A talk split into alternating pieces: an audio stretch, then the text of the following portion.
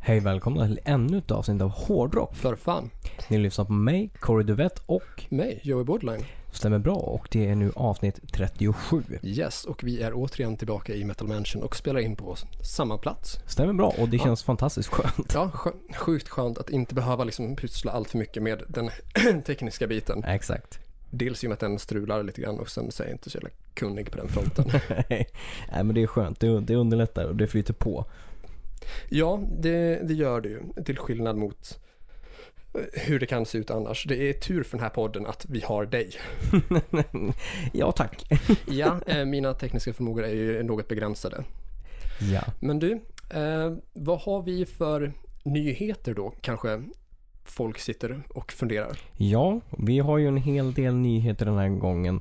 Och eh, vi tar oss framåt när det kommer på, på nyhetstorkan. Den, den lättar. Ja, absolut, absolut. Eh, och vi har eh, tidigare i podden, nu är jag osäker om det är fullängdare eller i bonusavsnitt som vi har pratat om just den här punkten, men vi hade har diskuterat samarbete med den nya minifestivalen Lokfest. Exakt. Och för er som inte vet vad Lokfest är, om det nu ska vara så att vi har missat att pitcha det, så är det ju då en endagsfestival Mm. eh, till havs Exakt. med Lok i fronten då. Precis, stämmer bra. Och gruppen Lok är alltså föregångaren till det band som senare blev känt som Lilla Syster. Exakt. Yes, och Lok körde väl på svenska. Ja, det gjorde de absolut. I och för sig, det gjorde ju Lilla Syster också. Jo. Det, det var bara att det första jag kom att tänka på det här var Umbrella, men det var ju för att det var en cover. Ja, ja mm. men exakt. Så i bägge fallen hårdrock på svenska då helt enkelt. Ja, exakt. Och ja, Luke var väl lite mer kanske punkigare. Ja, jo men det håller jag med om. Det Medan äh, lilla syster var lite mer hårdrock Ja, typ. exakt. Så det var väl den främsta skillnaden där. Hur många medlemmar var med i bägge banden? Har vi koll på det? Hmm. Jag, hmm. jag tror att i alla fall två eller tre gick från Luke till, till lilla syster. Jag Mm. är 100% säker två i alla fall. Så minst hälften av medlemmarna då? Ja. All right. Ja, och den nyhet vi då har att presentera är ju då att evenemanget Lokfest som skulle ägt rum i höst då är Mm. flyttat. ja, exakt. Och tanken var ju från början att de på Silja Line skulle arrangera ett evenemang där 6-7 grupper spelar då över en 23 timmars kryssning. Yes box. I och med att nu under rådande pandemi så får du inte ha evenemang för fler än 50 personer. Nej. Men Silja Line och eh, andra företag som har båtar som kryssar, Mm. eh, de får fortfarande ta in upp till 1000 kunder. Stämmer bra. Så där fanns det väl en kanske tanke att Eh, kringgå. Eller om det bara var så att man körde på det för att jag jag vet inte exakt vad tanken var från första början. Nej, inte riktigt jag heller. Det var det som vi ställde oss lite frågan till då. Att Mm. är det här genomförbart? Ja. För att även om du får plats 1000 pers på båten, Mm. vilket du får ha, Absolut. Hur ser du då till att det går att ha publik? Mm. Jag menar, är det 6-7 band som spelar, du kommer ju bara ha en scen. Så är det ju. Det är ju inte så att det känns som att de har liksom, flertal scener för att sprida ut banden på. Nej, Nej, absolut inte. Och inte på en båt Nej. heller. Det har du inte plats för. gud nej. Och om du får 50 pers i publiken, Mm. vad gör de 950 andra? Bra fråga. Ja, så Lokfest blev flyttat till i vår. Ja. Tråkigt, men förståeligt. Yes. Vi hoppas på att återkomma med mer positiva nyheter då. Absolut, det gör vi. Mm. Eh, Sen har jag, jag tror att jag i tidigare avsnitt har pratat om just Candy Crush-reklam och upptäckten av rockmusik via den. Det tror jag, det känner jag igen. Absolut. Mm.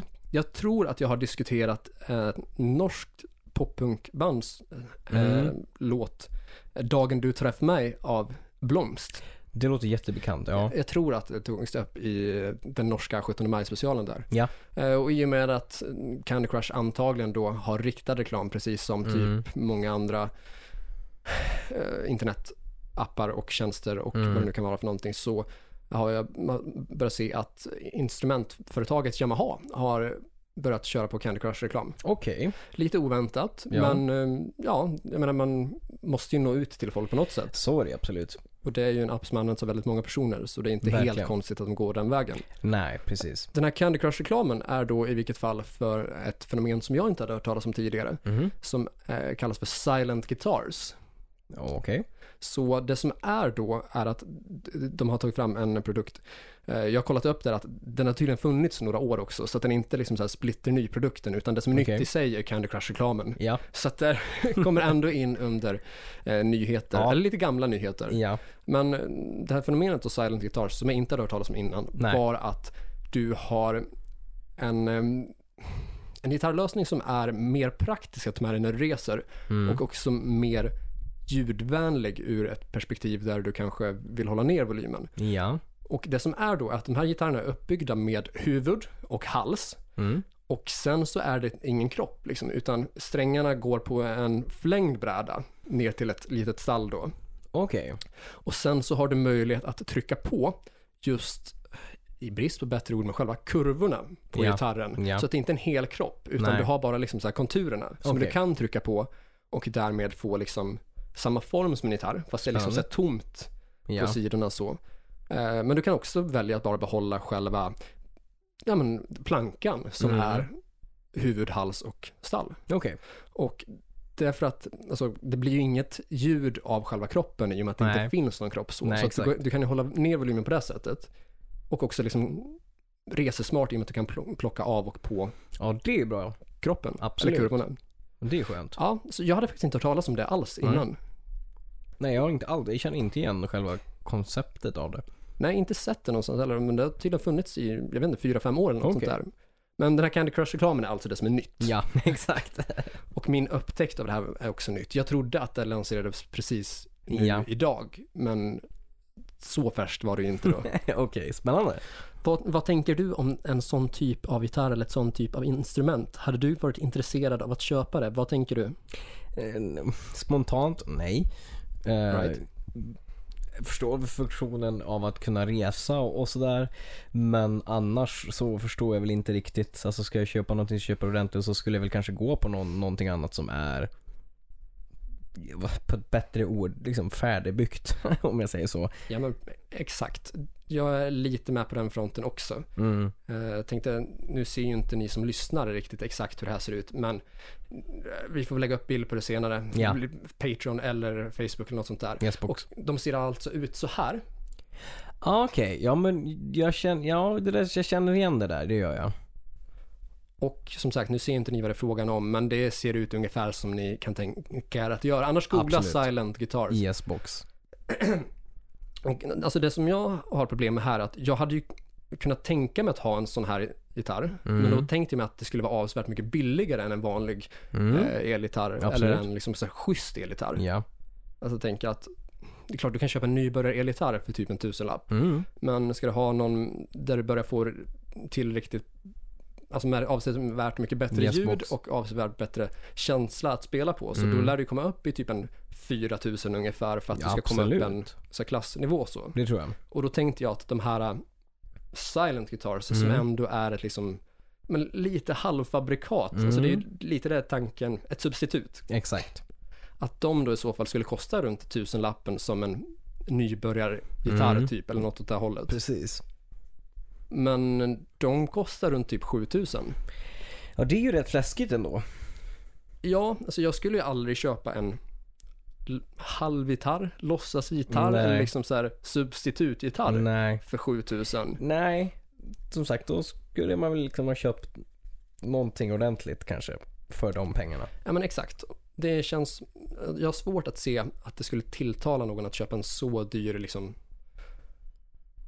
Ja, jag håller med. produkt som verkligen. inte är en hundraprocentig gitarr liksom, utan bara något Precis. istället för. Så. Ja. Nog om det, och nu är det tydligt också att det inte var reklam för produkten utan diskussion om det uppenbart. Ej sponsrat inlägg. Nej, absolut inte. Det kanske finns andra som vill köpa just Silent Guitars, men vi hade nog inte gjort det, Nej. någon av oss. Då så, tydligt och klart för alla.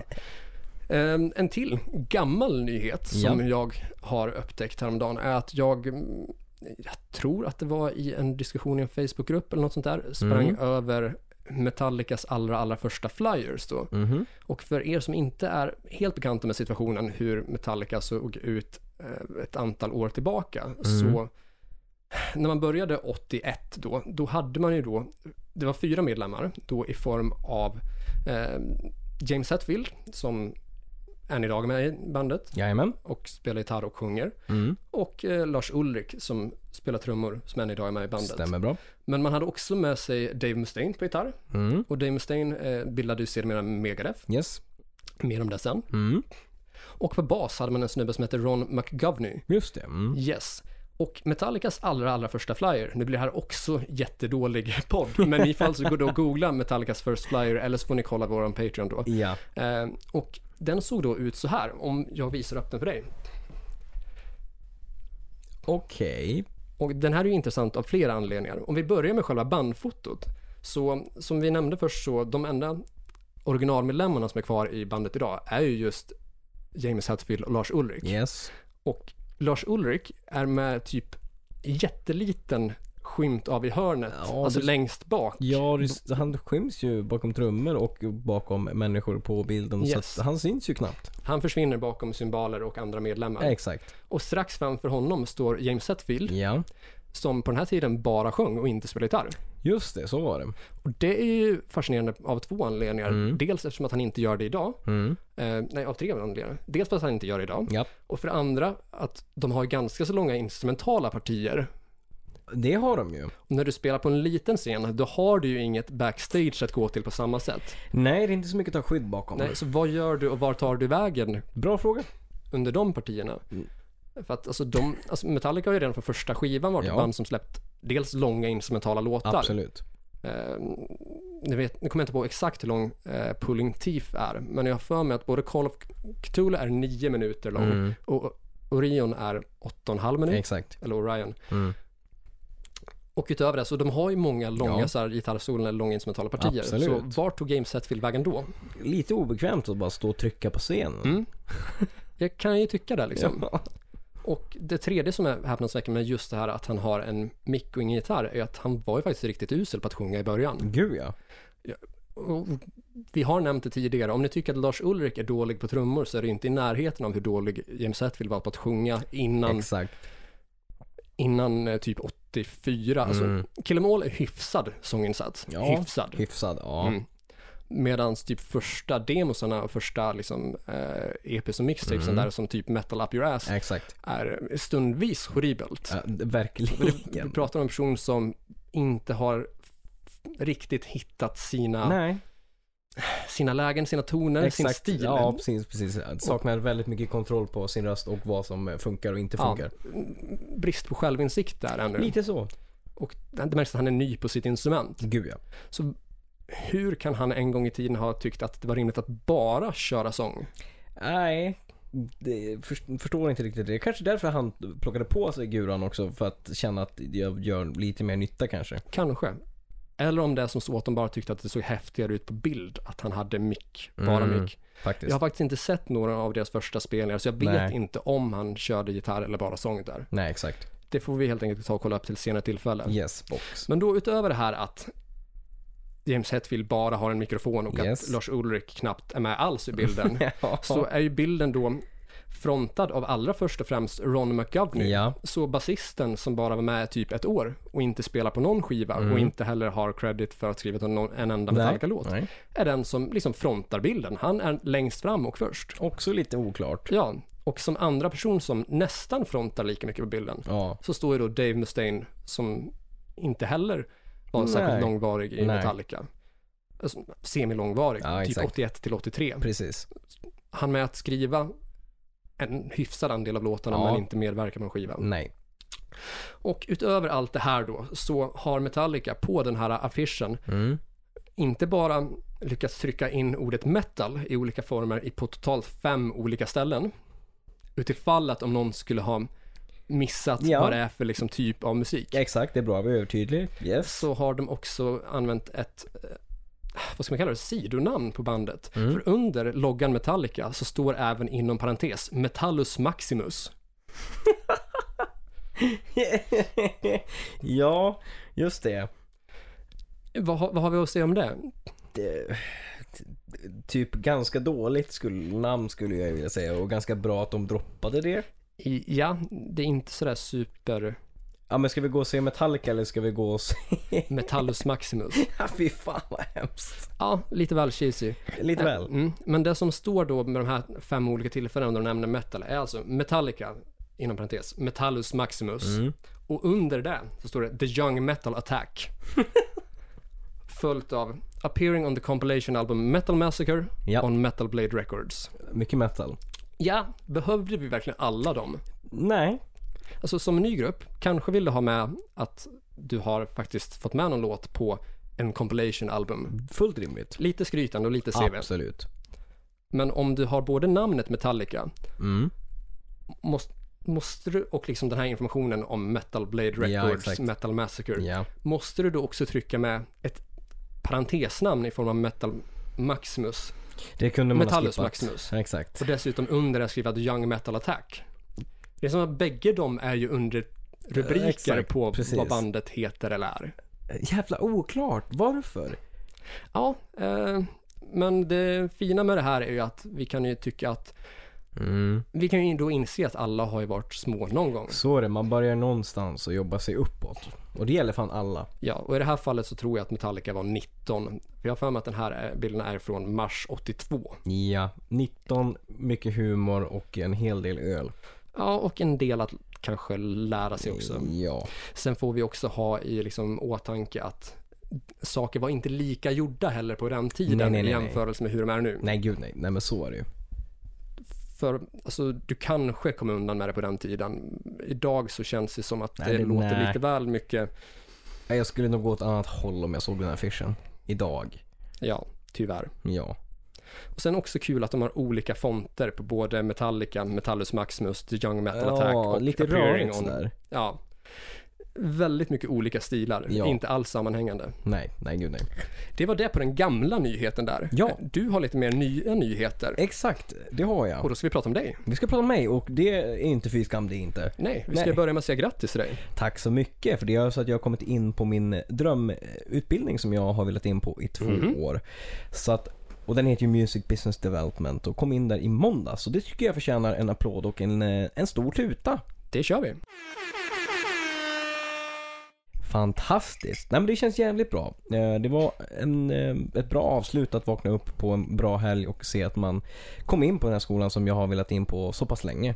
Ja, men det förstår jag. Och det känns bra för vår podd också för att nu har jag haft min första, första lektion idag. Eh, och det är väldigt mycket knyta kontakter och det faller ju under allt ifrån vad man jobbar till men mycket grejer vi kan göra för poddens skull också. Ja, absolut. Dels så går det ju i samma klass som totalt då 40 stycken musikentusiaster. Stämmer bra. Så att det blir ju många s- potentiella samarbetspartners där. Absolut. Mm. Sen så kommer du säkert träffa en hel del personer inom branschen genom de åren som utbildningen är. Ja, Exakt. Så att eh, det känns bra. Det känns bra för framtiden för en själv och för vår podcast. Förträffligt. Från en rolig nyhet till en eh, lite sådär Sämre nyhet. sämre nyhet. Men Så- fortfarande med fokus på dig. Exakt. Jag var på, på en eh, krog i- i Stockholm som många av er säkert känner till som heter Kelly som är lite av en rockpub. Ja, Rockkrog, eh, pub, Mm. Ja. pub, mer pub kanske? ja. rockpub slash sunkpub. Ja, exakt. Lite billigare Ja. dryck och eh, sunkigare människor ibland. Ja. Men eh, bra musik och billig dryck. Exakt, så det är en hit. Alltid något. Ja, så jag går in där och eh, har ju beställt lite dricka och så. Och så sen så tänkte jag att ja men fan, jag, det är inte så mycket folk där så jag kan ju önska någon låt eftersom att de styr ju musiken från baren. Och via Ja. Spotify, så det är enkelt Mhm, gjort. mhm. Så jag går fram till en server, eller vad ska jag säga, en- en, ja, men en bartender där. Mm. Eh, Och frågar då om jag kan få önska en låt. Och du får då svaret. Eh, nej, det får du inte.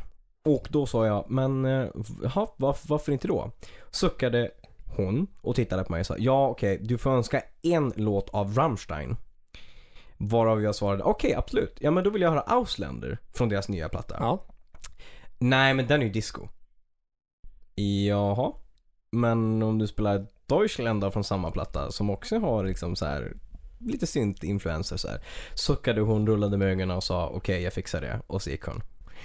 Och snacka om att vara inte så jävla service-minded och bara öste liksom det här bara fan vad true hon kände. För hon Mm. styrde ju musiken också under loppets gång. Och det var bara mest det brutalaste, ja men så här black metal och sådär. Så det kändes ju verkligen så här true. eh, Alltså frågan där är, är det hävdelsebehov för att liksom framstå som cool eller och Ja. true eller är det en frågan om att hata sitt jobb och vilja bli av med kunder? Lite så, en blandning av båda kanske. För jag menar, om det var så pass lite folk där så det är inte så att det är jobbigt för henne liksom att byta musik. Och speciellt när de var där och fipplade på Spotify ganska ofta och bytte musik. Så det Nej. var inte att det var liksom en CD-skiva eller någonting som satt i eller en vinylskiva utan det var ju Spotify. Det är inte så jävla svårt att köa Nej. låt då. Eh, det jag funderar på, vad var det du hade tänkt önska från första början? Från början hade jag Ja. tänkt och eh, önska Slave to the Grind med Skid Row. Ja, det var det du hade tänkt önska. Yes. Ja, för jag tänkte i och med att hon sa att du får önska en låt från Rammstein, Ja, exakt. att det blev så jävla specifikt med Exakt. vad för, för musik du fick önska. Precis. Och då är det, ju- alltså då är det typ som att du får inte önska. Nej, exakt. Men du får önska av Mm. just det här specifika, Ja. Mm. extremt specifika Ja, dessutom. att jag tycker om det här. ja. Välj något av det här jag Eller tycker hur? om. Vilket det är så här, men det var ju inte min fråga. Vad fan? Nej, alltså då är det väl bättre att, alltså om du inte tar emot önskemål, men sätt upp en lapp att vi tar inga önskemål exakt. eh, vad det gäller musiken. Typ. Ja, Och det, det får man ju respektera i så fall. Det tycker om det jag. är det som är grejen för... absolut. Om det är den policyn de, de har. Fine. Exakt. Det, alltså det hade man ju accepterat. Ja, Men att liksom komma på det sättet och säga att ja, du får önska av bara det här bandet. precis. Och sen är det inte heller så att det är, det är inte så att det var Rammstein-kväll, utan det var liksom bara vanlig kväll. Ja, exakt. Väldigt lugnt. Jag vet inte om hon, hon, om hon tänkte liksom så här, för hon kändes ju väldigt så här inte hårdrockare till hårdrockare utan jag hade ju inte speciellt mycket sm- utsmyckning utan jag hade håret uppsatt och hade någon varig tisha liksom så här. Så jag såg väl kanske inte hårdrockig ut på så sätt om man nu ska säga så, vilket är ju dumt i sig. Men det var väl därför de kanske bara drog till med någonting för att typ så här överrumpla liksom och bara, "Men om du ska önska någonting, önska någonting Rammstein för det kan du ju inte. Och så sen så, så drar jag till med någonting och då dög det ju inte det ändå. Nej, och det är knappt så att den andra önskningen dög heller. Nej, exakt. Ja, nej, just Kellys har väl kanske en viss, liksom, ett visst rykte om sig för att vara väldigt otrevligt så. Ja, jag upplevde det lite grann så. Så att eh, tänk om, gör rätt där om ni Mm. liksom vill ha, ha Alltså, det är ändå hängivna samma community som är där. Mm. Så det, det vill man ju ändå vara schysst mot. Om det är nu inte att man känner liksom att man har den attityden mot folk, men byt jobb för fan. Ja, jo, men alltså, jag har varit med om liknande händelser på Kellys också Mm. eh, och tycker att det är kanske en del där som borde byta jobb eller så. Känns som så. Alltså, du ska kanske inte ha kundkontakt om du inte tycker om kunder. Och f- men alltså, det, är, det, det präglar ju starkt upplevelsen av att vara där. Ja. Eh, Jag minns, alltså sist som jag var där, så vi var ju ett sällskap på kanske, jag vet inte, typ åtta pers eller något sånt där. Ja. Eh, Och då går det att beställa för flera personer åt gången. Det är inte så att alla går iväg och beställer en och en typ. Nej, för helvete. Eh, Så då skulle jag beställa åt en, ja men typ tre, fyra pers samtidigt. Mm. Gå fram och liksom börjar med att, ja jag skulle ha en eh, rom cola och en eh, stor stark. Mm. Och så eh, snubben är bara snabb och så, ja fixa det. Jag går iväg. Mm. Och det var inte så liksom, alltså jag hade knappt pratat klart. Nej, Innan exakt. han var liksom, ja jag fixar det. Mm. Och går han iväg och hämtar och häller upp. Kommer tillbaka och s- och säger, ja och så skulle vi ha en eh, gin och tonic också. Mm. Bara, Ja, varför sa du inte det f- först för?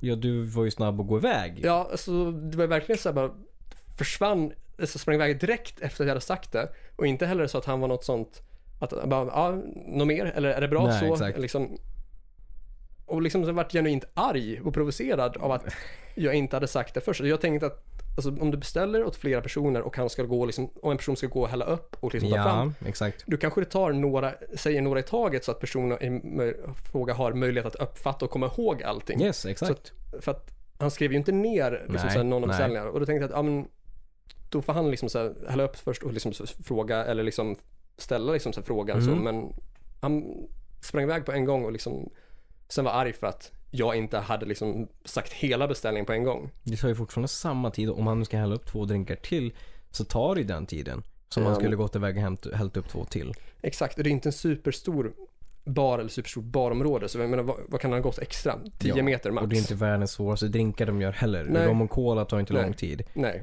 Det är en grogg. Ja, men exakt. Och, sk- men alltså ska du göra fler beställningar så du vill ju att de ska ha möjlighet att komma ihåg det. 100% procent. Och han skrev inte ner så. Då är det Ja. hans fel. Nej men som sagt, Kellys eh, svajiga upplevelser därifrån. Ja. Billigt, eh, lokalt, alltså, alltså det, bra, bra, bra plats. Mm. men mindre bra personal, Ja, riktigt sunkiga toaletter. exakt. Alltid någonting som är trasigt där. Så är det ju. Vidare på andra nyheter. Vi hade lite mer om podden. Men, ja, men innan det så hade vi att vi skulle Ja, just det, ja. slänga ut en, en bannare till eh, inom vår community. Till eh, en händelse, eller ett par händelser, men ett beteende rättare sagt. Mm. Eh, I en grupp som heter eh, Hårdrockare för livet. Ja, det är alltså en Facebookgrupp vi pratar om. Exakt. Och en av de största för vår typ av musik. Jag tror att Ja, de har runt 20 000 medlemmar. Precis. Så där har det cirkulerat lite grann att folk, eh, både män och kvinnor, har liksom postat till exempel musik av en frontig, eh, en, k- liksom en k- rockmusiker som är kvinna. Eh, kunnat postat en bild på, på en, en sångerska som de tycker är jävligt bra. Och så Mm. kommer de här jävla gubbslemmen som ska liksom kritisera att liksom, jag läste en kommentar som var Ja, ja, men kvinnliga hård, liksom, musiker inom hårdrock, de eh, klär sig inte i hårdrock längre och det är alltid liksom, när det kommer till den här jävla diskussionen så är, som det inte är när det kommer till diskussioner om män så är det Mm. kl- kläder och det är utseendet och det har ingenting med fucking musiken att göra. Nej, Och så blir de kränkt när folk säger till dem dessutom. Då är det så här, ja ja men du, du respekterar inte min åsikt, jag får uttrycka mig hur du vill, gå vidare, släpp det. Men det är du som uttrycker dig som ett jävla gubbslem. alltså, ja, det är frågan om de här personerna som inte respekterar att det faktiskt är människor de Exakt. pratar om. Du, du, Eh. du beter dig som skit och du har liksom taskiga värderingar. Värderingar som har varit inom hårdrocks in, liksom, communityn jävligt länge som borde suddas ut för länge sedan och som Ja. Mm. många jobbar för och pratar om för att vi ska få den normen. Och så Ja. kommer de här jävla... Alltså skärp er! Mm. Och jag vet precis vilket inlägg du pratar om, Ja. för jag, jag såg just det också och reagerade på att typ hälften av kommentarerna berörde som utseende. Ja. Och där var det ungefär, de, och där var i sin tur hälften om att eh, ja, men, pos- posörer som in, inte klär sig rätt eller Exakt! klär sig för rätt. Och eh, he- den resterande hälften av kommentaren var istället att en person var väldigt sexig och så, medan det liksom inte alls handlar någonting om Nej. musiken eller Nej. bandet eller produkten så. Ja men exakt. Och det är liksom, det är, fl- nu på senaste, jag vet inte om det liksom är att man har kommenterat på sådana saker så att algoritmen det kommer upp fler sådana saker men det är alltid liksom, ja det var någon som har lagt ut eh, f- från en officiell eh, Iron Maiden-grupp så var det t- två tjejer som stod med varsitt eh, Iron Maiden-linne. De var tatuerade, de såg jävligt rockiga ut. Så bara, ja, de där lyssnar garanterat inte på Iron Maiden. Vad fan vet du om det Claes-Göran? Skärp dig! KG alltså. Fy fan. Ja, nej, men det är tröttsamt att stöta på sådana människor och det verkar tyvärr finnas alldeles för många av dem. Ja, Och Tyvärr. Tanken med våran podd var ju från första början att vara lite grann av en motpol till det. Att det kanske Gud, ja. lyfta det som vi tycker bör lyftas och Ja. inte liksom snacka en massa skit där det inte är eh, nödvändigt. Nej. Och det har vi sagt i avsnitt 12. så är det. Och står fast vid det. 100% Ja. Så skärp er hårdrockare för livet och era men- er människor som är med där och beter er på det här sättet. Känner du dig träffad, ta en funderare. Mm. Gör om, gör rätt. Exakt. Vidare positivt för vår podd. Ja, nu ska vi prata om Nu vår ska podd. vi prata om det. det finns ju en som för låtar så finns det för podcast eh, topplistor på Ja. Spotify. Mm. Och där brukar vi in och kika då och då utifrån när vi lägger ut avsnitt och hur podden går framåt. Vi har tidigare pendlat på den här topplistan för podcast inom musik har vi pendlat mellan 45 till 42. Mm. Nu är vi på 37 och rullar... Eh, Uppåt. Precis. Ja, första gången på topp 40 då. Exakt. Som musikpoddar. Ja, och jag har tittat. Igår låg vi på, nej, i morse låg vi på 38, nu ligger vi på 37. Svinbra. Så det går Passar också framåt. med tanke på att det är avsnitt 37. Exakt, ja det, det gör det ju. Synd att vi inte kan göra till avsnitt 1. Fan också. ja, så att det var ju fint. Ja, men det är Eh, asfett att se. Tack till alla som lyssnar på oss eh, och eh, hjälper oss att eh, klättra på listan. Det värmer något enormt. Ja. Och när vi är inne på folk som lyssnar på oss så har vi en till sak i den podden då. Jajamän, och det har vår- med vår Patreon att göra. Och vi har ju eh, ett önsketema kvar där som vi inte har fått av en av våra Patreons. Mm. Så vet man med sig att man är Patreon och antingen är på 5 eller 10 dollars nivån då Mm. och inte och inte har skickat in önsketema än till bonusavsnitten så gör gärna det. Kontakta oss på Facebook eller skriv till vår mail. Absolut, så fixar vi det. Yes, och för er som ännu inte är Patreons då. Eh, Patreon är alltså en sida där ni kan stötta oss med Mm. allt från en dollar och uppåt då. Exakt. Eh, och Då får ni tillgång till en massa bonusmaterial. För 5 dollar i må- i månaden så får ni bonusavsnitt eh, en gång i veckan. Och Jajamän. dessutom så får ni dra till med ett önsketema. Vilket är ju klockrent. Yes. Bonusavsnitten blir allt längre. Ja, det blir de. Alla längsta hittills är 33 minuter. Svarar jag. Men standard brukar ligga på 20-25 typ. Vilket är ju eh, bra mycket material som extra bonus. Yes. Eh, Och avslutningsvis på nyheter då, så ska vi göra två korta grattis där. Ett till Joey Tempest och Mm. ett till Ian Gillan som bägge två fyller år idag. Exakt. Och när det här avsnittet släpps så är det igår. Stämmer bra. Och när ni lyssnar på det här, det kan ju vi inte riktigt veta då, men om det är någon som funderar så är det alltså 19 augusti som de två bägge herrarna fyller år. Stämmer bra. Så stort grattis till eh, två inflytelserika musiker i industrin. Mhm. Då så, nu när vi ändå har kört på i typ en halvtimme kanske så ska vi då alltså gå in på veckans tema. Yes. Och som titeln säger så är temat historierevisionism. Japp. Och då kanske ni funderar vad innebär då det här begreppet? Ja. Och det begreppet i korthet innebär då att man pratar om olika historiska saker som har hänt, men man vrider om en liten detalj som är lite av ett vad skulle kunna ha hänt om inte det här var precis det som hände då? Yes. Eh, Vi kommer förklara mer om det alldeles strax då. Mm. Eh, Upplägget kommer vara att vi kommer presentera olika händelser för vad som har hänt Japp.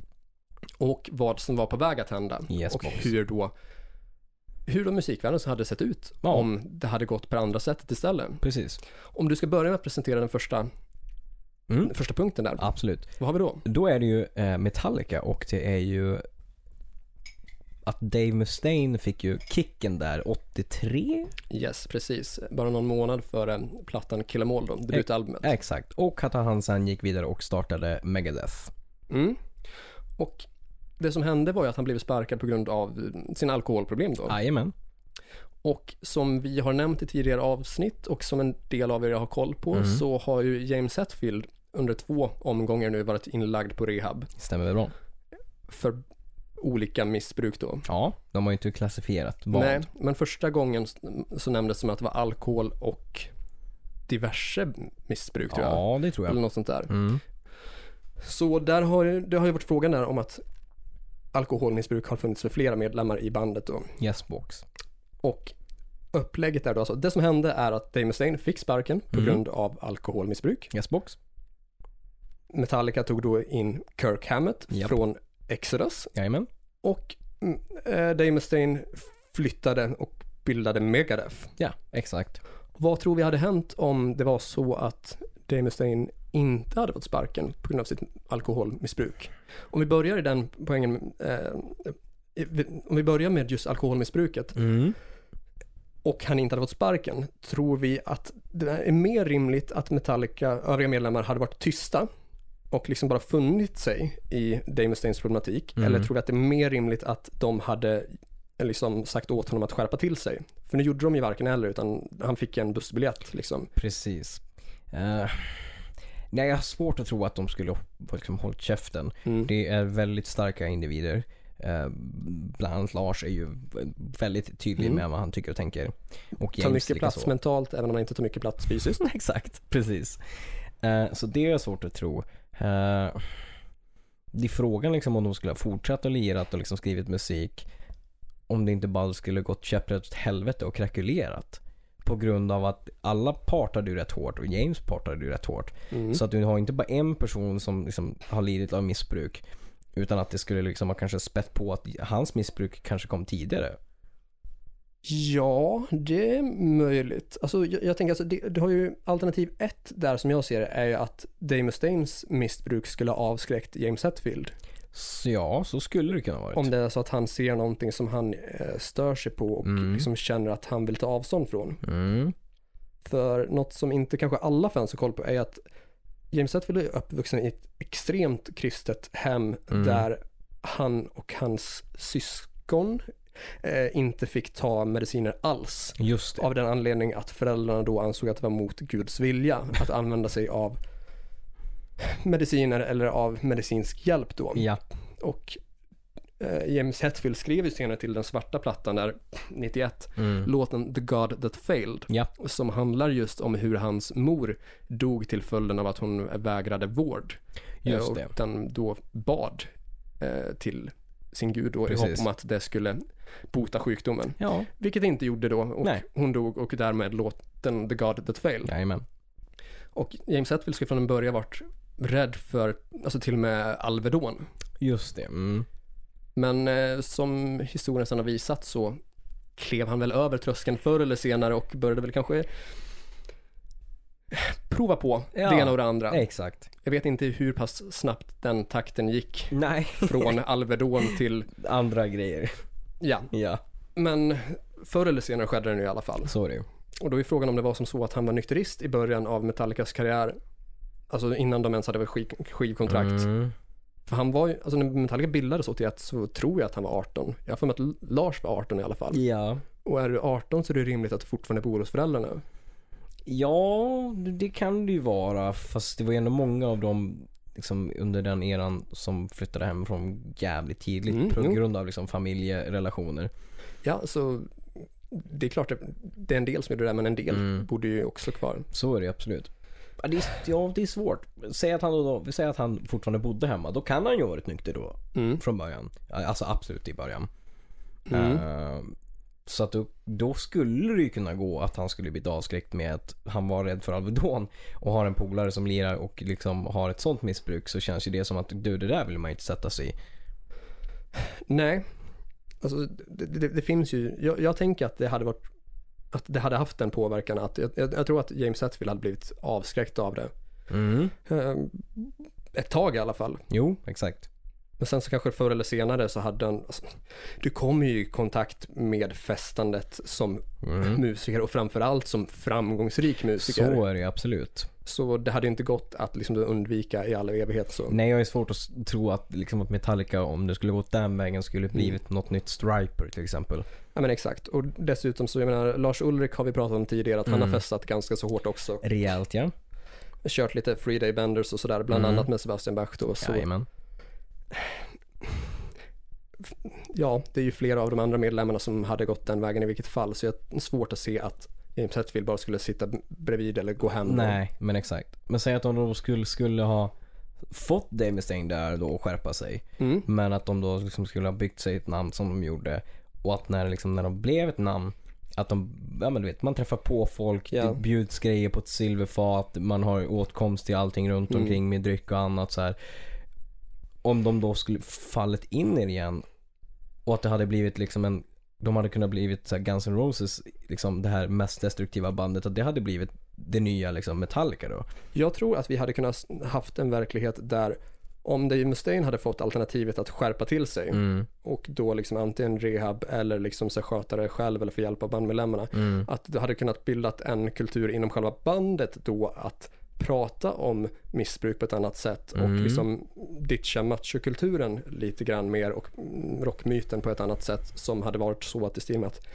Eh, man hade sett problemet för Dave Mustaine och man hade hjälpt honom med det. Ja, Han kanske hade uppskattat det också och sett det Säkert. på ett annat sätt och Mm. pratat om det på ett annat sätt. ja, Att man där hade bildat en attityd inom gruppen ja. som hade varit hälsomässigt eh, positiv då. Mm, ja men det, det är rimligt. Och att James Hetfield som ändå hade en så extrem uppväxt vad det gäller värderingar och liksom hur hans f- föräldrar såg på allt som gav ett rus eller liksom Ja. förändrade sinnet eller som inte var Guds produkt. Så. Exakt. att han hade förr eller senare hamnat i missbruk av den anledning att han hade varit helt liksom så här bort, tillbakahållen från Mm. det i ung ålder till att plötsligt kunna få allt och mängder av det. Ja. Så jag är ganska övertygad om att han hade hamnat där i alla fall, Mm. men att han kanske hade haft lättare att ta sig ur det första gången med hjälp av den attityd som han bildat Mm. av Ja, att det- först hjälpa Dave faktiskt. Mustaine. Ja, och det är väl inte en helt orimlig tanke. Nej, jag tänker ändå att det är ganska rimligt. Mm. för första gången som James Hetfield sökte sig till rehab tror jag var 2001 eller 2002. Ja, jo. Och det är ändå 20 år efter bildandet av Metallica. Ja, absolut. Och Dave Mustaine gav man ju kicken direkt. Precis. Så det tog ju nästan 20 år innan man ansåg Mm. rehabilitering eller terapi eller psykologhjälp. Eller Exakt. liksom Mm. att, att det skulle vara ett rimligt alternativ. Jo men precis. Medan när det väl var dags sen för James Hetfield så såg man ju det som ett väldigt eh, reellt alternativ i och med att man, man inte bara liksom hade skickat James Hetfield till rehab Nej. men man även tog in psykologhjälp för hela bandet Precis. och då också till följd av att den dåvarande basisten Jason Newsted hoppat av Metallica då Precis. och också där till, till följd av typ mobbing från övriga medlemmar Ja. att man kanske då, där började tänka på hur man behandlade varandra Ja, absolut. och det kanske man hade behövt lära sig tidigare Ja, det tror jag. Och det hade ju varit lite mer... Det hade ju varit bättre för bandet om de hade lärt sig det tidigare tror jag. Mm. Och jag funderar på om det kanske liksom var så att James Hetfield egentligen hade varit i behov av rehab avsevärt mycket tidigare. Men det tror jag. Inte helt säker på vilka liksom så här aspekter det har funnits där som har spelat in. Mm. Men alltså dels så har det där, eh, hans mammas dödsfall och även att mellan svarta plattan och Load drog Mm. det ut enormt på tiden på grund av att hans far dog. Precis. Du har en femårsperiod där från svarta plattan till Load Exakt. och från Reload till Saint Anger Ja, det är Har en det ju- bit också. Ja, alltså visst att de släppte Load, Reload och coverplattan, Mm. ehm, vad hette den, eh, Garage Days. Ja. Snabbt där 96, 97, 98. Mm. Men från det till... Eller på se- Garage Inc. Nej, eh, eller jag hette skivan Garage Inc. Det kanske den hette. Ja, jag tror det. Mm. Eh, i- icke att förknipp, eller beblanda med låten Damage Inc. Nej, exakt. Eller Damage Incorporate då. Eh, det gick ju snabbt där med de tre släppen. Mm. Men sen är det ytterligare fem år innan de släppte Saint Anger. Precis. Och jag tänker att fem år från liksom coverskiva till Saint Anger Mm. och fem år från svarta skivan till Load, mm. att de perioderna där skvallrar om att det, allt kanske inte riktigt såg Nej. sådär jättebra ut, att det inte liksom såg ut som det borde, rent mentalt. Precis. Nej men det, det tror jag absolut. Dels så harvade man ju på och så här, turnerade med de skivorna ganska länge. Jag turnerade ju så fruktansvärt mycket. Ja, men eh, också att det liksom inte kom någon ny produkt. Nej. Om det inte kommer någon ny produkt så säger det oftast en del om hur kreativiteten ser ut. Så är det ju.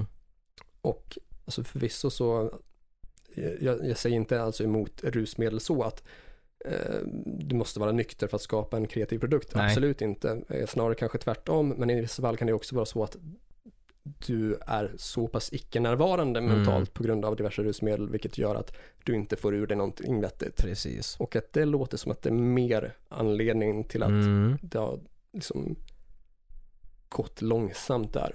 Det tror jag. Det låter fullt rimligt. Känns ändå som att det har haft ett finger med i spelet. Ja.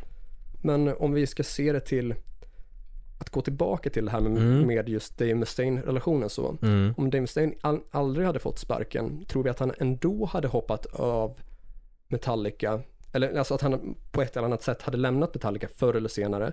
Eller tror vi att han, i och med att han själv sjunger i Megadeth, att han hade tagit över mera sångansvar i Metallica?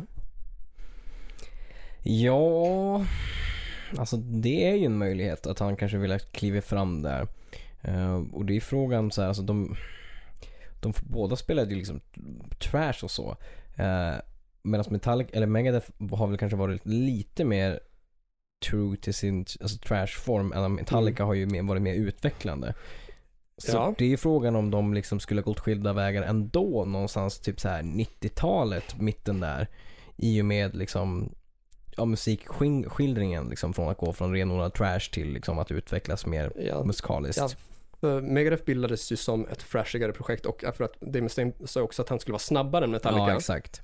eh, vilket han bitvis var liksom. Ja. Att låten The Mechanics Mm. som Megadeth släppte på sitt debutalbum är ju en omarbetad version av låten The Four Horsemen Yes. som Metallica hade på första plattan. Medan skillnaden, i, kanske, alltså en av skillnaderna är att Dave Mustaines version i Megadeth var snabbare Ja, än Metallicas version. exakt. Och då är frågan, var det för att Dave Mustaine egentligen ville spela snabbare? Eller var det för att han var pissed på Met- Metallica och ville göra samma sak fast värre eller bättre? Ja, men Eller jag, extremare? no, jag tror faktiskt på, på den grejen ändå att han vill eh, hävda sig lite grann. Att det känns som att det är liksom lite så här hämnd Precis. driv i den frågan. Jo, men exakt. Och sen var ju inte heller Dave Mustaine någon superstark sångare från början. Utan han var också Nej, nej, nej, väldigt nej. svajig. Exakt. Jag tycker vi kanske inte att han är världens bästa sångare då heller, men han är ju betydligt mycket bättre än vad han var från början. Ja, ja, han blev bättre och sen blev han sämre igen. Mm. Men det är väl samma sak där som med James Hetfield, att jag tycker att han tog sig till andra plattan. Exakt. Medan första liksom lämnar lite att önska så. Ja. Även om det finns eh, ljusglimtar där också. Jo men så är det ju absolut. Mm. Eh, Men sen om vi pratar om musikaliska skillnaden där. Alltså, det är klart. Megadeth skulle vara s- snabbare och lite extremare än Metallica så. Eh, Och att de har varit mer tr- true till Mm. thrash-soundet. Men jag upplever att Megadeth apade efter Metallica lite när Metallica släppte svarta plattan och fick liksom alltså, jätteframgångar och hits med Ja den. exakt. Att Den släpptes ju 91. Mm. Eh, Och fram tills dess så hade ju Metallica varit väldigt fräschiga, även Ja. om man började snegla mot att eh, bli lite mer heavy metal genom att göra eh, semiballader Exakt. i stil med till exempel One då, Jo men precis. och eh, i stil med Welcome Home, inom parentes Sanitarium. Yes. Då. Eh, men Megadeth, alltså deras platta från 90 då, Rust in Peace, är ju Mm. väldigt extrem i sin snabbhet och sin eh, progressiva thrash metal. Ja. då. Medan efterföljaren 92 där, Countdown to Extinction, Ja just det. Mm. där har du ju heavy metal. Ja. Men Symphony of Destruction, Ja gud ja. den är ju den är ju mycket mer heavy metal än thrash. Alltså det är ju inte, det finns ju inget eh, thrash metal-aktigt där att prata nej, om alls. nej så är det ju. Utan det har ju ett väldigt enkelt och rakt riff som går i stil med typ Panteras Walk eller Ja. Metallicas Enter Sandman eller någonting Ja. eh, där du håller tillbaka lite på antalet toner och fokuserar Precis. på att ha power chords. Så jag tror inte att det riktigt hade funnits ett superstort behov för Nej. Dave Mustaine att lämna Metallica om han inte hade blivit tvingad att lämna Metallica. Nej precis. Plus paycheck är ju ja, men exakt. bra liksom. Mm. Och Dave Mustaine är ju som bekant lite pyst på att ha varit Metallicas Ja, ja. nummer två Så i är det ju. jämförelse. Mm. Och jag har hört någonstans, antagligen har jag läst det i Sweden Rock Magazine, att eh, Dave Mustaine vart arg när plattan Euthanasia 94 släpptes och bara nådde andra platsen på Billboard-listan i USA. Ja, jo men det, det, det köper jag. För jag tror också att det var den absolut bästa plats som han någonsin fick. På. Mm. Nummer två det vill säga. Ja. Mm. Och där hade han ju också en radiohit med låten eh, Atolomond, Precis. vilket är en väldigt radiovänlig ballad. Gud ja. Så han hoppade ju definitivt på spåret med att, alltså, att Ole Mond känns som Megadeths svar på Nothing Else Matters och Symphony of Destruction känns som Megadeths svar på Enter Sandman. Ja, ja men ja, det håller jag med om. Men du, eh, nu känns det som att vi har pratat jävligt länge på den här punkten. Det tror jag. Eh, punkt två på listan är ju då som så att det som hände är att Slash gjorde audition för Poison, Ja. men han fick inte jobbet, Nej. utan rollen som gitarrist där gick istället till CC DeVille. Mm. Slash gick istället vidare eh, till en grupp som då tror jag hette Hollywood Rose, Ja, eller hette Guns N' Roses, men som i alla fall sedermera blev Guns N' Roses. precis. Och då är frågan, vad hade då hänt om Slash inte hade blivit nekad gitarrrollen i Poison, utan han faktiskt hade fått rollen i Poison? Ja. Tänker jag att de, alltså Slash har ju alltid haft ett mer liksom, rock'n'roll gitarrspel och lite skitigare gitarrspel. Mm. Så jag tänker att det skulle ju kunna ha präglat Poison att vara kanske lite mer skitig. Ja, alltså d- så långt är jag helt och hållet med. Jag funderar, alltså nu är jag inte superinsatt i just Poison, men vem var Poisons huvudsakliga låtskrivare? Eh, det, det var väl egentligen Brett Michaels Var och det det? CC DeVille tillsammans. mm. Liksom, ja. Mm. Jag tänkte liksom hur pass stor roll han hade haft i låtskrivandet. Mm. Eh, Men samtidigt så har jag m- mycket lättare att se Slash spela lite skitigare, lite punkigare, lite mer heavy metal, Mm. influerad rock och hårdrock än att spela Poisons glättigare, poppigare eh, glamrock då. Att, Ja, jag, jag tror, jag har lite svårare att se Slash spela låtar som typ Unskinny Bop. ja, ja, ja, alltså, ja det, det har jag faktiskt väldigt svårt att föreställa mig. Men det hade ju kunnat hänt. Det hade kunnat hänt. Mm. Men eh, ja, antagligen kanske ett lite skitigare Poison. Exakt, kanske inte fullt ut Guns N' Roses Mm. skitig. Mm. Vi har ju fortfarande Mi- liksom, eh, Bret Michaels på sång. Ja, Eh, och den typen av stil som de ville vara. Mm. Men kanske lite mer skitigt i alla fall när det kommer instrumentalt gitarrmässigt. yes, jag är helt och hållet med där. Sen tänker jag också att eh, Slash har ju sagt att han dök upp ganska så här orockig, eller med inte så mycket imageuttryck till Mm, Nej. själva auditionen för Poison. Mm. Eh, Medan det istället gick till Cissi DeVille som hade en mera sminkad och liksom glammigare look så. Mm. Och att det var liksom påverkande. Och det är klart det kan ha påverkat liksom för att det, det är ju ett helhetsintryck vi pratar om. Så är det ju. Och Poison hade ju den, den stilen. Det var ju Jajamän. det som man körde på. Ja. Eh, Så det är ju rimligt att man inte såg att Slash passade på det sättet. Nej. Men det finns ju också bilder på mitten av 80-talet där Slash är sminkad och liksom har märkbart mer Mm. feminina kläder Mm. än vad han sedermera blev känd för. Exakt. Och han har ju alltid liksom uppträtt i skinnbyxor och cowboyboots och långt hår så. Ja, absolut. Och liksom skinnbyxor, skor med klack, långt hår. Det är ju i övrigt drag som kan anses vara fem- feminina och Ja. definitivt liksom har gjort det. Ja, genom men tiden. absolut. Och som sagt, det finns bilder på honom där han har smink också, Mm. mycket mer än vad som vi känner till idag. Ja. Så det känns ju inte orimligt egentligen att han hade kunnat haft en karriär där. Nej. Men om han inte hade haft det, eller om han hade haft en karriär i Poison, vad, vad, hur tror vi att gitarrpositionen hade sett ut i, ut i Guns N' Roses? Ja, alltså. Då hade, alltså vi hade ju eh, Izzy Strandling. Mm. Eh, så den platsen är ju liksom satt. Men frågan är om de hade bara kört på Izzy eller om de hade haft, de, hade, de spelade De väl hade ju lite grann Tracy med, Guns ett tag. Jag tänkte det precis. Undrar om han hade blivit kvar. Och, men det är också väldigt svårt att se liksom för att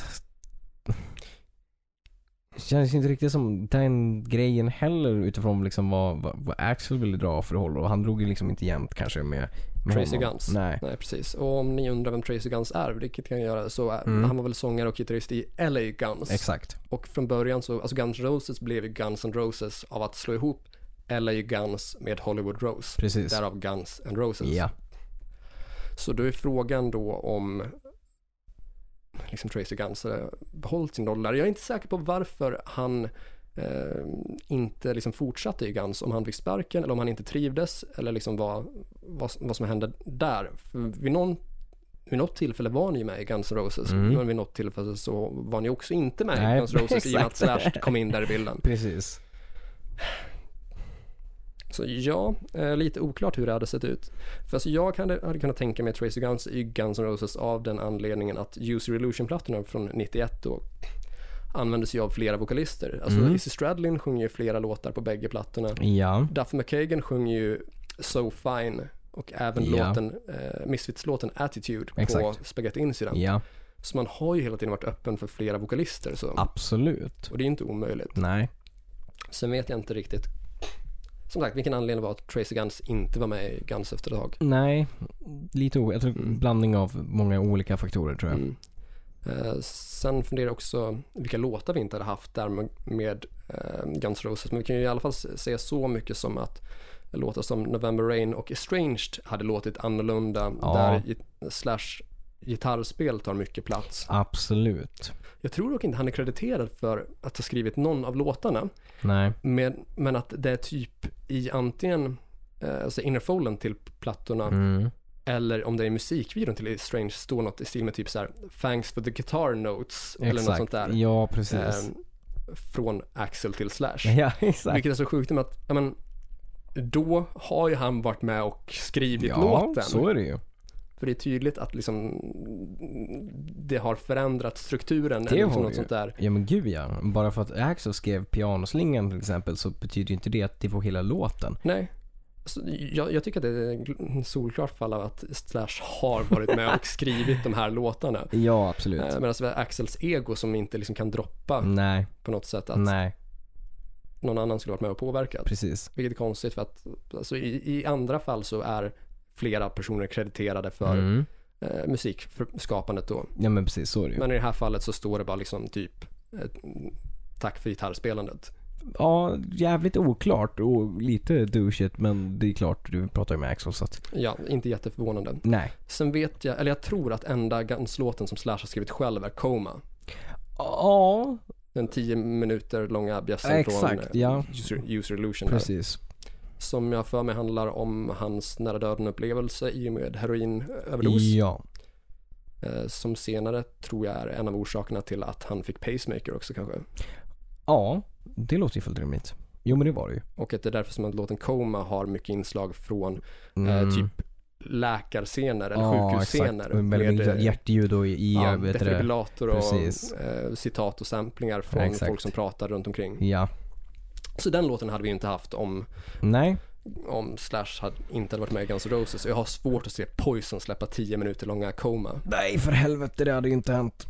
Och jag menar en grupp som gör Unskinny Bop och Every Rose Has Its Thorn skulle inte släppa en låt med så pass tung och seriös betydelse som nej. Coma. nej, nej, aldrig i livet. Det skulle inte hända. Det var inte, det är ju inte glättigt. Nej, steget från Unskinny Bop, som jag har för mig handlar om kurviga tjejer, det steget till heroinöverdos, det är en bit att gå. Det är en bit. Ja. Då så, punkt tre och händelse nummer tre innan Mm. det här avsnittet blir alldeles för långt. Jag kan säga så här, vi hade egentligen fler punkter, men Ja. det blev ett jävla långt avsnitt nu Det blir efter det ju. bara två punkter och en Exakt. hög med nyheter. Så vi, ja. vi, vi nöjer oss med tre, ett tredje alternativ och sen får resten bli typ antingen del två eller Patreon-exklusivt. Exakt. En av många anledningar att bli Patreon, så gå in på HRFF Podcast, nej, patreon.com slash HRFF Podcast. Exakt. F- Fall nummer tre, vad hade vi? Fall nummer tre, då har vi Bon Jovi. Och ja. Ja, och vad, vad hände? det- det som hände var att han föddes som, som John Bon Jovi. Mm. Och- Och vad innebär det då? Han föddes ju in liksom i, i, en, eh, i en familj med släktnamnet Bon Jovi. Eh, En släkt av musiker då, ja, exakt. där eh, kusinen tror jag, Tony Bon, Tony bon Jovi, kusin eller farbror, antingen eller. Eh, Precis. det, det, det är ett syskon emellan där på något jo, sätt. kusin är det. Kusin, de till, är rock, kusiner. till rockproducenten där ja. Ja, så att deras föräldrar var alltså syskon. Exakt. Och han hade ju producerat, vet du det, ja men Aerosmith, Hendrix, Ramones, Ace Frehley. Yes, så många av de stora liksom, så här 70-talsbanden. Exakt. Och jag menar, Bon Jovi kom ju in med liksom kontakter, kontakter. Så det är mycket Exakt. Mm. på den vägen som det blev skivkontrakt på första plattan Precis. och så. Det är ju kusinen Tony Bon Jovi som producerar första Bon Jovi-albumet. Exakt. Så det är tydligt att det är kusinen då som har varit vägen in, skohornet Mm. då, eller kontakten, Ja men exakt. för att styra första Bon Jovi-plattan. Precis. Och då är frågan då alltså att Alltså vad som inte har hänt, men vad som skulle ha hänt Mm. om Bon Jovi inte var Bon Jovi. Nej exakt. Att han hade vuxit upp i en annan familj där han inte hade haft den här kusinen som Mm. Nej. var framgångsrik inom rockbranschen. Exakt. Ja vad tror du? Dels så, det första jag tänker på är att han kanske inte hade präglats, alltså uppväxtmässigt, han, att hans uppväxt inte hade präglats av musicerande på samma sätt Nej. om man inte hade haft den här då något äldre kusinen som redan var framgångsrik inom den här branschen och hade det här karriärvalet. För jag Mm. tror att John Bon Jovi då har upptäckt väldigt mycket rockband då rimligtvis Rimligt. genom eh, Tony då. Exakt. För som sagt, vi pratar om sju- de största, några av de största 70-talsbanden. Hendrix kanske till och med var slutet av 60. Nu Exakt. vet jag inte när Tony Bon Jovi började vara aktiv producent. Nej. Så. Men alltså Hendrix var ju aktiv under 60-tal och 70-tal. Precis. Så jag tror att dels så har John Bon Jovis musikaliska arv präglats starkt av släkten. Ja. Och sen så framgången är ju också tydligt präglad av s- släkten. I och med att det var där som Mm. ehm, som, som första skivan blev av då. Ja men exakt. Men sen så var det ju inga, alltså Antoni Bon Jovi producerade bara första skivan vi vet och inga andra Ja. efter den. Nej precis. I alla fall inte förrän man slog igenom rejält med Slippery When Wet. Precis. Slippery When Wet kom väl 86 och jag tror att första Bon Jovi kom typ 83 eller 84. Ja exakt. Och det som är där är ju att John Bon Jovi har ju skrivit de flesta låtarna själv, Mm. eller några tillsammans med Richie Sambora. Yes box. Medan Tony Bon Jovi är ju inte krediterad som låtskrivare på någon av hitsen. Nej. Så du har ju först och främst det att John Bon Jovi är en bra låtskrivare Mm. som på den fronten inte verkar ha tagit hjälp av sin kusin. Nej. Så det är ju inte omöjligt att han hade kunnat skriva låtarna som ehm, nu står det helt still, största låtarna. På, på första eller på nej, nej, på generellt? Slippery When Wet, Living on a Prayer. Ja, Exakt. Ja, Ja. eh, till exempel Living on a prayer eller You give love a bad name. Alltså, Ja, ja men exakt. De låtarna hade ju gått att skriva utan att eh, liksom, ha Tony Ja, Bon Jovi i bilden. det, så är det ju absolut. Men frågan är ju om John Bon Jovi hade upptäckt den musiken lika snabbt utan honom och om han hade haft någon väg in till skivbolag så. Och den tänker jag är mycket svårare. Men jag tror att han Ja. rent teoretiskt skulle kunna ha skrivit den musiken men kanske inte nått ut med den. Nej, precis. Det tycker jag, jag var väl in- inne på samma spår där. Att, ja, men, jag kan väl absolut köpa liksom att han skulle kunna ha skrivit bra musik. Men utan att få liksom den här pushen från början så är det ju kanske svårt att tro att Bon Jovi skulle ha blivit ett lika stort namn. Ja, alltså det finns ju till och med en risk att han skulle kunna ha vuxit upp i en familj likt James Hetfields som var Exakt. väldigt anti sånt som inte ansågs vara kristligt. Och Nej, men precis. Rockmusiken har väl inte haft en kristen prägel, Nej. framför allt inte under 70 och 80-talet. Nej, gud nej. Så jag tänker att det finns en risk att han kanske inte hade upptäckt musiken för långt senare och aldrig blivit låtskrivare. Men i och med att han är låtskrivare och har varit under hela liksom, Mm. Bon Jovis karriär, så det måste ju vara en kreativ person. Ja, men det håller jag med om. det kreativa utloppet, det dör ju liksom aldrig som kreativ person, utan du känner ju alltid ett behov av att skapa. Mm, Så, så är du oavsett, alltså i någon form. absolut. Frågan är om han hade gått eh, och sk- skapat något annat istället. Det är möjligt. Kanske blivit arkitekt, målare, Ja, men någonting åt det hållet. designer. Det kunde ha blivit vad som helst egentligen Ja. eftersom att det inte blev in på den banan och liksom den röda linjen som det blev på grund av var han kom ifrån. Nej men exakt. Och vi hade ju haft ett väldigt annorlunda 80-tal om vi inte hade haft Bon Jovi också. Ja, det hade sett väldigt annorlunda ut utan de anthems och de typen av liksom arenarock. Ja, alltså jag, det är ju tre saker, eller ett par saker där som jag tänker är väldigt bärande, eh, där Bon Jovi är väldigt bärande. Och för först och främst så är det att pudelfrisyren är ju kanske främst förknippad med Bon Jovi. Ja, det tycker jag. Och jag tänker att det var avgörande för Europes utveckling och internationella 100%. framgång. Absolut. Jag menar, Joey Tempest och John Bon Jovi såg ju väldigt lika varandra Mm. ut Jo då. nu, mitten 80 där. Exakt. Eh, och att både Europes internationella framgång men även image och soundförändring Mm. eh, är påverkad av Bon Jovis framgång. Så är det ju. Och sen så finns det ju tyvärr en sanning som heter lite grann att utan Bon Jovi inget Skid Row. Och Så är det ju. Och för er som är obekanta där så John Bon Jovi och, nu ska vi se, eh, Snake, Mm. Dave Sabo från Skid Row, eh, som gitarrist och en av de huvudsakliga låtskrivarna då, Ja. gick ju i samma klass tror jag och var barndomskompisar. Ja, exakt. Och eh, bägge två låtskrivare och musiker men vad jag förstått aldrig någonsin i samma band utan Nej. alltid på olika håll på Exakt. något sätt. Så vet jag inte om det är för att de ville dra åt olika håll musikaliskt Mm. eller om det var något annat som inte klaffade men de var bra vänner och liksom bägge två skapade liksom, ja men hair metal. Exakt. Även om Skid Rows senare blev hårdare jämfört mot Jajamän. Bon Jovis där men det är ändå eh, två personer som har legat varandra väldigt nära i tiden Ja. och hade någon pakt när de var yngre att den som slår igenom först ska hjälpa den andra Ja, att eh, slå igenom. exakt. Det var ju så det blev att Mm. Bon Jovi breakade stort 86 Mm. och efter det så försökte man hjälpa Skid Row att breaka. Precis. Man eh, ordnade möten med skivbolag och eh, man såg även till att Skid Row fick vara förband till Bon Jovi sen. Yes. Eh, I början av Skid Rows karriär så var ju ett av de stora problemen att man inte tyckte att Matt Fallon var tillräckligt stark som frontfigur Nej. och att man från Bon Jovis sida väntade med att gå steget fullt ut tills man hade en frontfigur som man trodde på till 100%. Precis. Så Och är när det. väl Sebastian Bach äntrade typ 88, då var det liksom Tuta och köra. Ja, Mm. och då blev det ju snabbt både turnéer och skivkontrakt. Nej, exakt. Så s- s- en sån verklighet hade vi kunnat haft, att vi varken Ja. hade haft ett Bon Jovi eller ett Skid Row. Och det är en verklighet jag inte riktigt vill leva i. Nej, och så hade vi också haft ett How I Met Your Mother-avsnitt där Barney Stinsons Get Psyched Mix inte börjar med You Give Love a Bad Name.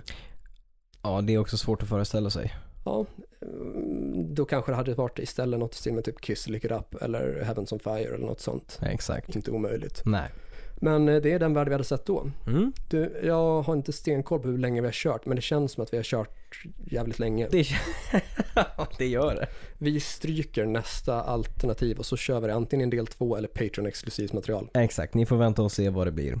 Yes. Veckans tips. Vad har du för tips? Jag tänkte tipsa om ett eh, band som inte breakade så jävla stort. Mm. Eh, släppte typ en, en platta. Eh, och det här är början på, på, på 90. Right. Och eh, de heter Sons of Angels. Aldrig hört talas om. Vad är det för genre? Eh, men det är väl typ lite Bon Jovi-rock, typ sådär. Eh, det, är li, det, det är mer Bon Jovi än vad det är Poison i alla fall. Okej. Eh, Låten heter Look Out For Love. Det är väl den bästa låten på plattan. Mm. Eh, en bra partydänga som mm, föll undan eh, på grund av det kom sent och i- inget bolag som egentligen ville lyfta dem ordentligt. Som så många gånger förr. Ja. Vad har du för tips? Eh, Jag tänker återknyta te- eh, tipset till temat lite grann. Eh, Och då tänker jag tipsa om en Metallica-låt, men eh, inte vilken version som helst. Att låten är då Creeping Death Mm. från andra plattan Ride the Lightning. Och Yes, jag box. tycker den starkaste Metallica-plattan. Ja. 84 så spelade man ju in den med eh, originalbasisten då, eller inte Ron McGovney som vi nämnde tidigare, men med Med Cliff. Cliff Burton då, Mm. som spelar på de tre första plattorna då. När Cliff Burton i- dog så tog man ju in Jason Newsted på bas Ja. och det som man kanske inte hade räknat med från första början men som man upptäckte med tidens gång och som man eh, släppte fram allt mer var Jasons sångröst. Mm. Och han eh, growlar i eh, ett antal Metallica-låtar och kör eh, backing vocals med growl då så att eh, låtarna fick en hårdare, extremare och råare touch. Exakt. Och bland annat så eh, finns det inspelningar där han eh, sjunger lead på Whiplash Okej. från Kill 'Em All, men just Creeping Death från Seattle 89. Det är alltså Mm. en eh, helt bandad Metallica-konsert Yes box. eh, i riktigt bra kvalitet. Från, Verkligen. eh, ja, när jag anser att bandet var på sin peak där. Ja. Så kolla in Metallica Creeping Death Seattle 89 och liksom f- f- förvånas av vilket jävla tryck det är i inte bara publikdrag men framför allt backing vocalsen som Mm. lyfter låtarna till en helt ny nivå och sopar mattan med originalet. ja men gud ja. Jag håller med. Cliff Burton i all ära som basist men Mm. Jason Newsted som sångare och live-komplement var faktiskt grymt bra. Oslagbar faktiskt. Vad ska folk följa oss då? Ni ska följa oss på vår Facebook-sida som vanligt. Ja. Där vi heter Hårdrock. För fan. Ni ska gå in och gilla, kommentera och eh, dela, bjuda in. Eh, Vi har på vår sida där så har vi en butik där ni kan köpa vår merch. Yes, ni hittar en flik där det står butik, klicka där och hitta olika alternativ för mm, t-shirtar, linnen, olika färger, olika storlekar. Vitt, svart, stort, litet tryck, från 2XS till 4XL, eh, plagg från 179 kronor. Stämmer bra. Vi har varsin Instagram. Jag heter Korridvett, ett Jag- ord. Och jag heter Joey Bordline, ett ord. Exakt. Vi har utöver det så har vi vår Patreon som vi har nämnt. Jajamän. Det går in på patreon.com slash hrffpodcast. Yesbox. Och i dagsläget så är det runt 20 bonusavsnitt och runt en 50 andra poster som vi inte har- har delat med oss av på våra andra sociala medier. Precis. Där vi går in med fler eh, detaljer och mer information som vi inte delar ut någon annanstans. Och också eh, om ni hör att vi censurerat något eh, Mm. vanligt fullängdsavsnitt då så har vi ofta skrivit ut på Patreon-sidan vad det är för någonting vi har censurerat och varför. Precis. Lite behind the scenes. Yes, så de som drar till med en dollar eller mer, de får såklart lite saftigare information och lite bättre content. Yesbox. Så om ni gillat det ni har hört hittills så gå gärna in där. Alltså patreon.com slash hrffpodcast. Sen har vi en YouTube-kanal där ni söker på Hårdrock för fan. Där kommer det komma mycket roligt i höst. Eh, Ja.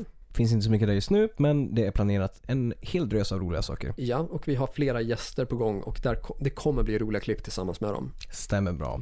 Det kommer bli lite våldsamt också, ja, exakt. men det ser vi fram emot väldigt Ja. mycket och det hoppas vi att ni gör också. Precis. Eh, sist men inte minst så har vi en mail. Mm, och då skriver ni alltså till hrffpodcast.gmail.com. Ni skickar dödshot, nakenbilder, ni skickar eh, erbjudanden. Ja, vill ni samarbeta? Vill ni inte samarbeta? Maila. Ja, musiktips, Exakt. ett hej, Ett hej. ett fuck you. Exakt. Det ni känner för, skicka någonting. Ja. Det blir kul. Så följ oss, köp våra grejer och eh, fortsätt lyssna på oss. Det vore ju väldigt uppskattat. Verkligen. Tack som fan för att ni lyssnar och ännu mer tack till er som är Patreon. Nytt avsnitt nästa vecka. Fram tills dess, lyssna på hårdrock. För fan, spela hårdrock.